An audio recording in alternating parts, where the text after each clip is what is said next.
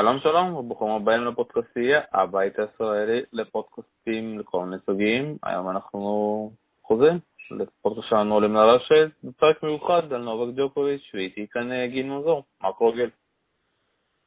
היי שלום, מה שלומך? זה מעולה, כמובן אנחנו חייבים להזכיר, המייסד של טניס פור, הקהילת השותפים של הטניס בארץ, אה, ואנחנו הולכים לדבר על נובק דיוקוביץ' וננסה להבין ביחד, אה, אתה יודע, מה קרה, אתה יודע, אפשר להגיד, מהפיק שהוא הגיע, והפיק היה ברולנד גרוס, אתה יודע, השחייה שם, אחרי שהוא ניצח, ואתה יודע, סוף סוף זכה בתור שהוא כל כך רצה, ופתאום התחילה איזושהי נפילה לא מובנת. כן, תשמע, נובק באמת אה, היה בשיא שלו, ולקח כל תואר אפשרי, והיה נראה כאילו אי אפשר לעצור אותו. אה, הרבה דיברו על זה שהוא עוד יעבור את פדרר בתארים שלו. משהו קרה לו. לדעתי, לדעתי האישית וקצת ידע קצת יותר מורחב שאני קיבלתי בגלל הקשר שיש לי לבלגרד. אה, הוא התחיל עם אה, בחור בשם פפה למאז, בכל מה שקשור להשקפת עולם, שינוי חשיבה, מדיטציות וכהנה וכהנה, בעקבות זה שהוא רצה לעזור לאחיו. אני שוב פעם, אני אסביר לך, המאזינים שלנו, פפה למאז הוא בסופו של דבר מין גור כזה שעזר לאחיו של נובק דיוקוביץ', שגם היה נכון. שחקן, שאפשר להגיד שגם היה שחקן בתחילת הדרך, ובגלל אחיו לא כל כך הצליח ונכנס לכל מיני דיכאונות, ופפה למאז הצליח להחזיר את, אח, את אחיו של נובק לתלם, כמו שאומרים, אבל, וזה, ובגלל, אתה יודע, ההצלחה, אפשר להגיד שלו, על אחיו, פתאום פפה למאז גם הפך להיות ל, ליועץ העיקרי של נובק. חד משמעית כן, אתה רואה אותו גם במשחקים, אתה רואה אותו בקהל, אתה רואה אותו, אתה רואה אותו בהרבה מקומות עם נובק, אתה רואה תמונות של נובק, עושה מדיטציות איתו, בכל מיני כנסים, בכל מיני כאלה. תשמע, ייתכן שנובק יתאהב בעולם הרוחני והמיסטי, אתה יודע, בכל זאת הבן אדם אה, מולטי מיליונר, הוא אליל בסרביה, אפשר להגיד שהוא הגשים כל חלום אפשרי. יחד עם זאת, שוב, אני אומר את דעתי האישי, ודווקא בגלל שאני אדם גם כן רוחני, שגם אני עושה קצת במדיטציות וכאלה, אני יכול להגיד לך שזה הוריד מנובק את הטירוף. אתה זוכר כשנובק היה נכנס למגרש ופותח עיניים על השחקן, ואז אתה אומר, אוקיי, פה נגמר המשחק. אתה לא רואה, אתה לא רואה את הטירוף שלו במגרש. אתה לא רואה את האטרף שהוא היה מגיע איתו למגרש, אתה לא רואה את הראש, הברזל שהיה לו, שהוא יכול היה להפסיד סט, והיה קם לסט שני כאילו הכל התחיל מחדש. ולדעתי זה קצת הרדים אותו, ולדעתי זה גם השינויים שאתה רואה עכשיו שהוא מחליף, את, מחליף צוותים, והוא לא מרוצה לא מאגסי, ולא מרוצה מזה, ולא מרוצה מההוא. ויש שם איזשהו חוסר יציבות מאוד מאוד רצינית. אני לא הייתי שם את כל המשקל שם על הפציעה שלו, דווקא הייתי שם את כל המשקל על. השקפת העולם החדשה, ואני לא מאשים אף אחד, אבל לדעתי זה הטעות שלו. אבל בסוף בוא, בוא כן נתחיל לדבר, אתה יודע, גם על העניין הפציעות, כי יש כאן איזשהו תהליך די מוזר, אפשר להגיד. שנה שעברה, אתה יודע, הוא שיחק את עונת החימר, למרות שהוא לא היה כשיר, הפסיד לטים, ואתה יודע, זה די בצורה שאתה מדבר. מול טים, אתה יודע, הוא נראה חושך. הוא שיחק שם, אבל הוא פיזית לא היה שם, אתה יודע, אולי זה איזשהו דמות דמות ששיחקה שם מול טים, הוא לא היה שם.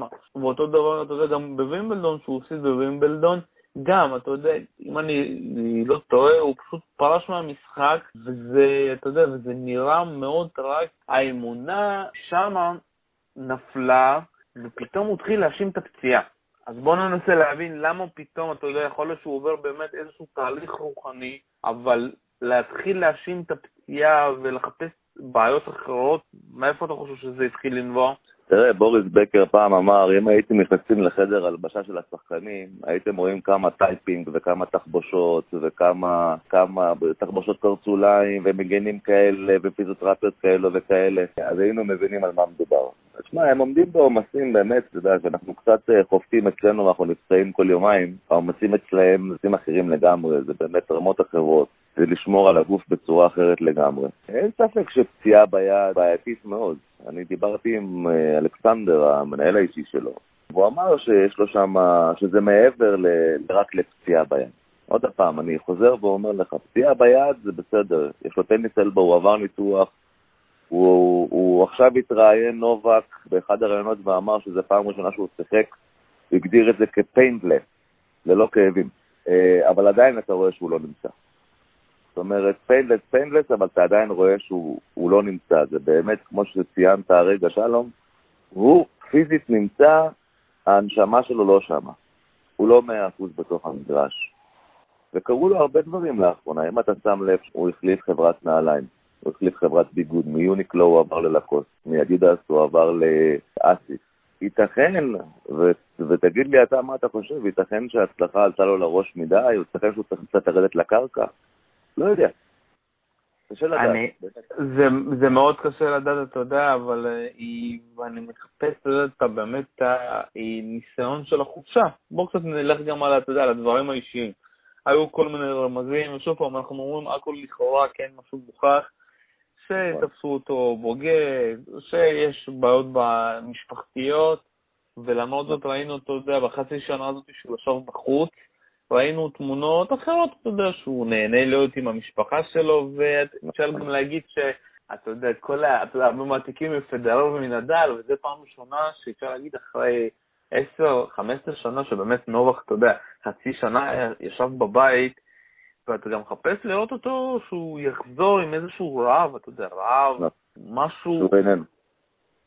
וגם זה, אתה יודע, אחרי שהוא חזר, גם באוסטרליה אופן, אנחנו לא ראינו את הרעב הזה, ו... ושוב פעם, אתה יודע, הוא השין את הפציעה ויצא לניתוח, אז יש כאן הרבה משתנים שבסופו של דבר אנחנו נאשים רק את הצד הרוחני, אתה חושב? שמת לב באוסטרליה, הוא התעסק עם הביגוד, הוא כל הזמן מתח את החולצות, הוא כל הזמן בעט בנעליים, הוא כל הזמן, הוא, הוא כאילו מתעסק עם הרבה מסביב, הוא לא מתעסק עם, ה, עם המיין ביזנס שלו, הוא, הוא מתעסק עם כל המסביב.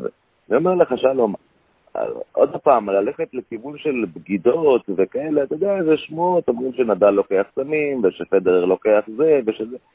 אי אפשר להישען על זה באמת. אני שמעתי הרבה דברים, שמעתי גם נדל בוגד, שמעתי...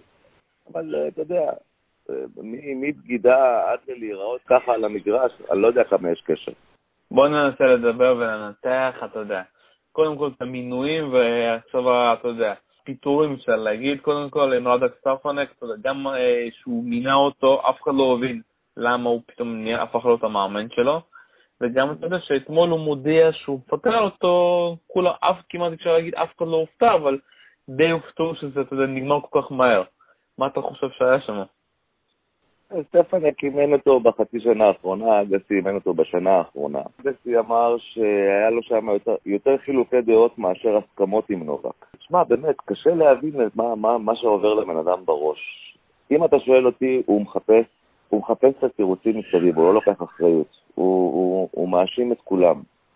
מאשים את המאמנים. אתה יודע, זה כמו שאתה רואה במכבי חיפה, פתאום כל יומיים מחליפים מאמן, מחליפים מאמן, מחליפים מאמן. אבל, אבל גבר, אתה לא יכול לתת אה, כדור אקמול למי שצריך ניתוח. אבל הניתוח במקרה של נובק זה משהו ברמה האישית, צריך להחזיר אותו לקרקע, ושם הבעיה הגדולה שלו. הוא, הוא לא בקרקע, הוא לא בפלנטה, הוא, הוא חי באטמוספירה אחרת, וזה הבעיה שלו, זה לא יעזור לו מאמן, גם אם פדרר יאמן אותו זה לא יעזור כרגע. שום דבר כרגע לא יעזור לו, חוץ מהוא לעצמו. אני אשאל אותך שאלה, אתה יודע שאולי באמת זה הפתרון, אתה יודע, לדעתי הפתרון זה שהוא יתפעל מפפה למז הזה, הגורו הזה, אה, והשאלה, אתה יודע, מתי זה יקרה, באיזשהו, אתה יודע, כי בסופו של דבר אני חושב שבשלב הזה גם ההורים של נובק לא כל כך שולטים על ההחלטות שלו. נכון. אבא שלו הוא מנהל את רוב העסקים של אה, נובק, אתה יודע, אבל נובק בן 30, ולא נראה לי שבאמת אפשר לקבל בשבילו החלטות. כמו שזה נראה כרגע, אני יכול להגיד לך שבדרך שהוא ממשיך כרגע, אני לא רואה את נובק חוזר. וזה עצוב, כי לנובק היה באמת את כל הכלים ואת כל הסיכויים להביא משהו אחר למגרש, ובאמת אולי לשבור את השיאים של פדרר ונדל, אבל כמו שזה נראה כרגע, לא רואה את זה קורה, בטח לא בקונסטלציה שהוא נמצא בה היום, עם, uh, בקטע הרוחני, שזה דווקא אמור לעזור לך, שלום, אתה יודע, כל הנושא הרוחני, מדיטציות וכולי, אמורים כן לאזן אותך, במיוחד בלחצים שהם עומדים. אבל אני חושב שבמקרה הזה הוא קצת עף. פשוט הוא קצת עף עם הנושא הזה. לא, אבל אני די מתחבר לעניין שלך, אתה יודע, שזה לא לכל אחד מתאים מה שמתאים לאחר. יכול להיות שזה מאוד התאים לאח שלו, שהיה נכון. בדאון מנטלי, וזה די קשה להיות אח של נובק דיוקוביץ' שאתה לא מצליח. ואצל נובק זה פשוט עושה את האפקט ההפוך, אתה יודע, כי הוא היה באיזשהו איי, הוא היה באיזשהו רצח בעיניים. ופתאום כשאתה מתחיל עם כל המדיטציות ואתה מוריד את התשוקה הזאת, אתה מוריד את, ה, את הרצח בעיניים הזה, זה די, אתה יודע, אפשר להגיד, אה, מסע, כאילו מוריד את הנשק העיקרי. בוא ננסה קצת לדבר, אתה יודע, על המשחקים האחרונים שראינו אותו, אה, הוא הפסיד לטארו דניאל, אתה יודע, במשחק עם כל כך הרבה טעויות, עם סט אחרון שהוא מפסיד 6-1, ואחרי זה מפסיד גם לבנואר פרא הצרפתי, אתה יודע, וזה שחקן שממש קשה להפסיד לו, אתה יודע, זה שחקן ש... קשה, באמת, קשה להפסיד לו, ונורק הצליח לעשות את הדבר הזה. נכון. ובשני המשחקים האלה, נובה, כמו שאתה אומר, פשוט תמיד חיפש להאשים את הדברים האחרים. הוא מתעסק במסביב ולא בעיקר.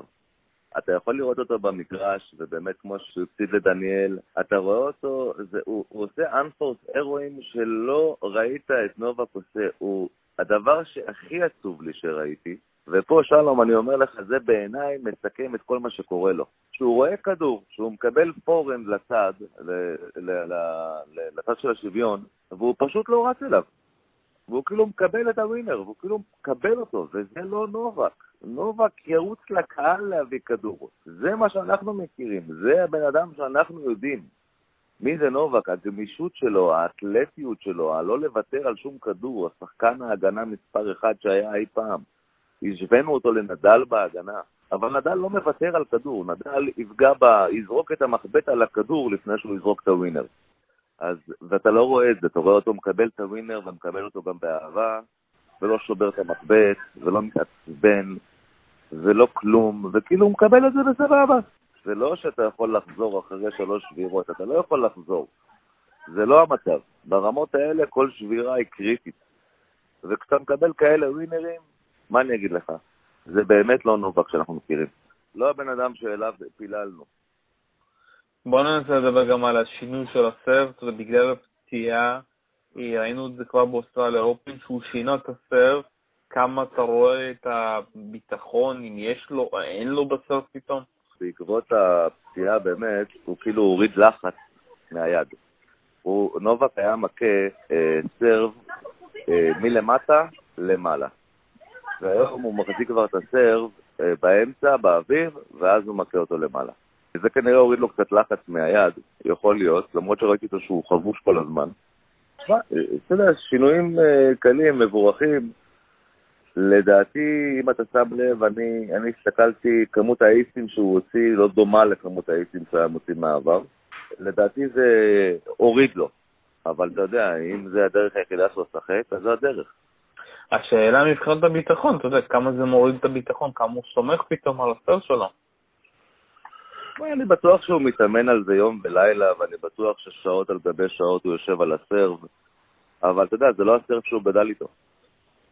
אה, זה שונה, זה אה, הזווית שונה של הסרב, זה פחות קיק, זה פחות דיוק, אבל בצער רב אני לא רואה את נובק חוזר ל, ל, למקום שהוא היה. אתה יודע, אנחנו באמת אה, מחכים לראות מה יקרה גם בעונת החימה הזאתי.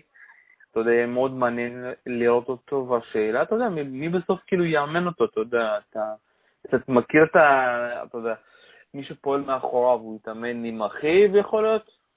תשמע, הוא חייב לקחת איתו איזשהו טייטל. בכל זאת, אנחנו מדברים פה על נובל גיוטוביץ'.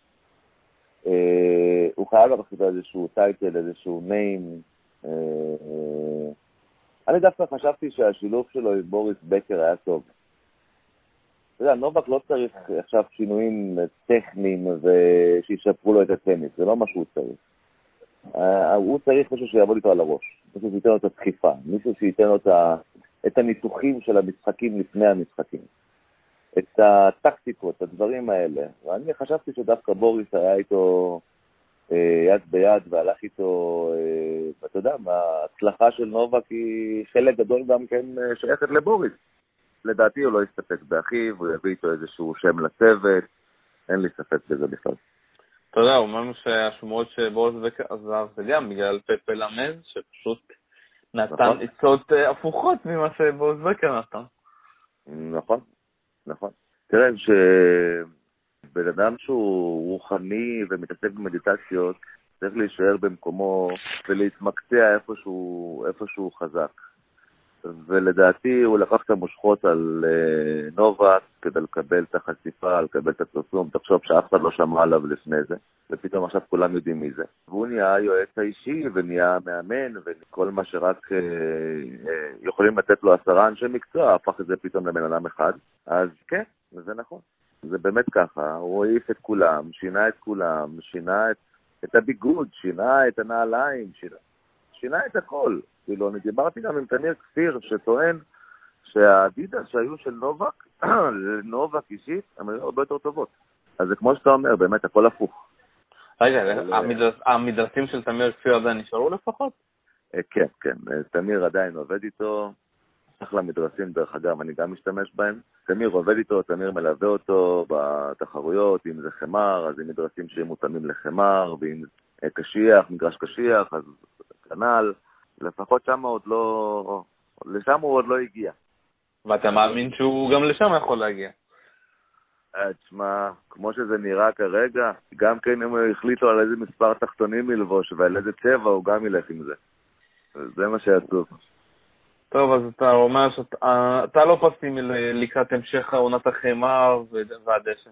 אני לא פסימי בראש, אני כן פסימי בלב. הייתי רוצה לראות אותו חזרה בסבב, הוא חסר בסבב, הגיוון הזה חסר לנו, אנחנו אוהבים את פדרר, אוהבים את נדל, אבל אנחנו רוצים לראות גם כן את מרי, גם מרי חסר לי בסבב, ונובק חסר לי בסבב. זה נחמד שיש את החבר'ה הצעירים שבאים, נותנים fight, נותנים מלחמה, אבל עדיין, אתה יודע, אנחנו, אנחנו קהל שבוי, אנחנו אוהבים את הטוב ואת הישן, ונובק בהחלט חסר שם, הוא חייב להיות שם. אנחנו יכולים את כולנו לקוות. טוב, שמע, אני אסכם את זה ששוב פעם, לדעתי נובק נמצא באיזשהו קאט, אתה יודע, ומתישהו, אתה יודע, הקאט הזאת תישבר. יכול להיות שזה יקרה עוד קצת זמן, אתה יודע, יכול להיות שזה ייקח עוד שנה ושנתיים, אבל מתישהו, אתה יודע, זה יחזור להיות כמו שזה היה, שהוא זכה בעולם גרות, ואנחנו, אתה יודע, האוהדים חייבים לחכות אה, כדי שהרגע הזה יגיע. אחרת, אתה יודע. יש רק בעיה אחת, יש את השעון הביולוגי. נובק היום בן 30. אתה אומר עוד שנה, עוד שנתיים, מדבר איתך על 32. כמה שחקנים אתה מכיר שמשחקים חוץ מפדרר שהם בני 32? הוא הרבה יותר קרוב לפרישה מאשר לחזרה. אני מסכים איתך לגמרי, אבל אם בסוף הוא ימצא, אתה יודע, את הניצוץ הזה, ניצוץ הזה של המלחמה, כן לחזור וכן להראות שהוא עדיין שמה, לדעתי הוא כן יכול להמשיך עד הגיל של פדרר, לעומת אה, נדל, אתה יודע, נדל, שוב, הוא כל שנה יותר קשה לו, כי שוב פעם, הבן אדם צריך, אתה יודע, קראתי את זה במקרה, אני קורא עכשיו את הספר שלו, שאתה יודע, אחרי הזכייה שלו ב-2000, בווימבלדון המפורסם, הוא עלה לגמר מול פדרר עם זריקות, עם תחבושות, עם... רק שעה הוא היה עם, ה... אתה יודע, עם הרופא שלו לפני זה כדי שיכין אותו למשחק. אז תחשוב כמה נובק מתאמן לפני משחק, פדרר, כמה, אתה יודע, כמה מקבלים חבישות, כמה כל הפרוצדורה הרפואית.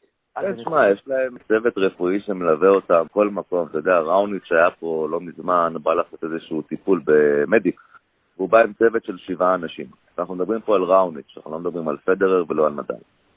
תראה, נדל יש לו את השם שלו, זה השור הזוהם. הסגנון משחק שלו זה המלחמה, זה הקיר, זה לא, לא, זה לא להישבר, זה, זה המלחמה. אצל אה, נובק אנחנו התרגלנו לראות שהבן אדם עם ראש שבלתי יאומן, הוא, הוא פשוט חוזר מהפסד של הפסד, כאילו עכשיו התחיל המשחק והוא שכח ממנו. וזה מה שהיה מדהים בנובק, זה היה הראש שלו. היה לו ראש חזק, מה שאתה לא רואה את זה היום. שמע, כמובן שאני מקווה שיהיה לו עונת חמר אה, מדהימה ומהממת. הייתי רוצה לראות אותו פורח, הייתי רוצה לראות אותו זורח, הייתי רוצה לראות אותו חזרה בסבב, לפחות ברבעי גמרים, חצאי גמרים. הוא מעניין, הוא שחקן טוב. לגבי הפיזי שהוא יכול להגיע לגיל 37 כמו פדרר? שמע, נובק הוא אתלט. הוא, הוא גמיש בצורה בלתי רגילה, הוא אתלט, הוא כמו נערת גומי. כל הסגנון משחק שלו מאוד אתלטי, מגיע לכדורים עם שפגטים. יכול להיות. יכול להיות שאתה צודק, יכול להיות שהוא יכול באמת להגיע לזה. אבל אני חושב, אתה יודע, מתי? זאת אומרת, אם עוד שנתיים, מה זה אומר? זה אומר שאיפה הוא יהיה כבר בדירוג, באיזה מקום. מה תראה אותו פתאום במקום 100? לך תחזור עכשיו ל top 10. זה לא קורה ביומיים, זה לא לקחת עכשיו איזה master ואתה top 10. אז אה, לכן אני חושב שזה יקרה להרבה יותר מהר. הדירוג שבוע, אני אתן לך את הדוגמה הכי טובה שזה יואיט, אתה יודע, זה גם שחקן שהיה מקום ראשון, ועם כמה פציעות הידרדר, הידרדר, אבל נשאר, אתה יודע, בסבב. אני לא מאמין שנובק יגיע למצב של יואיט, שאתה יודע, כי אני מאמין שלנובק עדיין, אתה גם בגיל 32, גם אם הוא במקום 50 או 100, הוא יכול לתת fight מול כל שחקן. אה, זה בטוח. השאלה באיזה מצב אה, רוחני, כמו שאתה אומר, הוא יהיה. תראה, גם דל פוטרו חזר מפציעה והיה בדירוג איפשהו שם ב top 100, ועכשיו אתה רואה אותו פורח. אה, זה אפשרי, אני לא אומר שזה לא אפשרי. לחזור ולקחת איזשהו גרנד סלאם או איזה שני תארי master זה אלף, או כאלה, באמת יחזירו אותך אה, חזרה למשבצת הגבוהה. שמע, בוא, בוא, בוא נראה מה יהיה עם החמר עכשיו.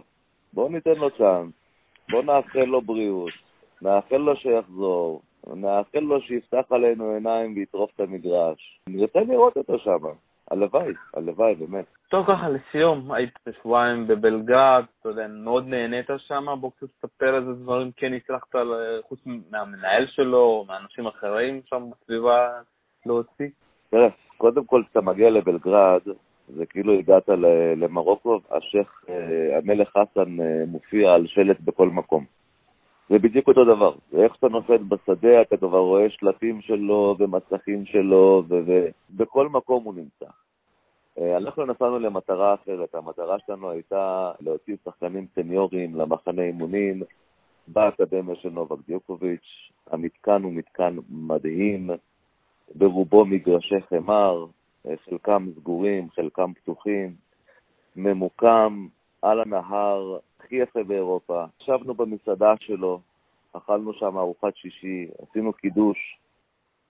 הכרתי את המנהל האישי שלו, בחור סופר סופר נחמד, בחור בשם אלכסנדר. כמובן שדיברנו הרבה על נובק, היינו בחדר הגביעים שלו, הרמנו את הגביעים שלו, הצטלמנו איתם. פגשנו את אחיו, אחיו הצעיר, במסעדה של נובק כמובן. תשמע, הוא, הוא תיאר את זה, אני, אני לא יכול להתבטא בצורה הזאת שהוא תיאר את זה, אבל במילים אחרות הוא אמר לי, he needs to stop with the CC things. הוא צריך להפסיק עם הדברים הרכרוכיים ולחזור לטרוף. וזה בדיוק מה שדיברנו עליו, שלום. כן, זה, זה הדבר, זה הדבר. הוא צריך לחזור ולטרוף את המגרש. אולי צריך להחזיר לו פשוט את הרעב, להחזיר אותו לבית הישן שלו, להחזיר אותו למגרש הישן, לאיפה שהוא התחיל. פשוט להחזיר לו את הרעב, להזכיר לו מאיפה הוא בא. יכול להיות ששם הבעיה. מאוד יכול להיות, וכאן אנחנו חייבים לסיים. תודה רבה לך, גיל מזור. שלום, נהניתי מאוד. אני אשמח לעלות אליך מתי שאתה רק תבקש. בכיף בכיף, אנחנו מסיימים את הפרק שלנו, עולים לרשת. תודה רבה שהגנתם, ביי ביי.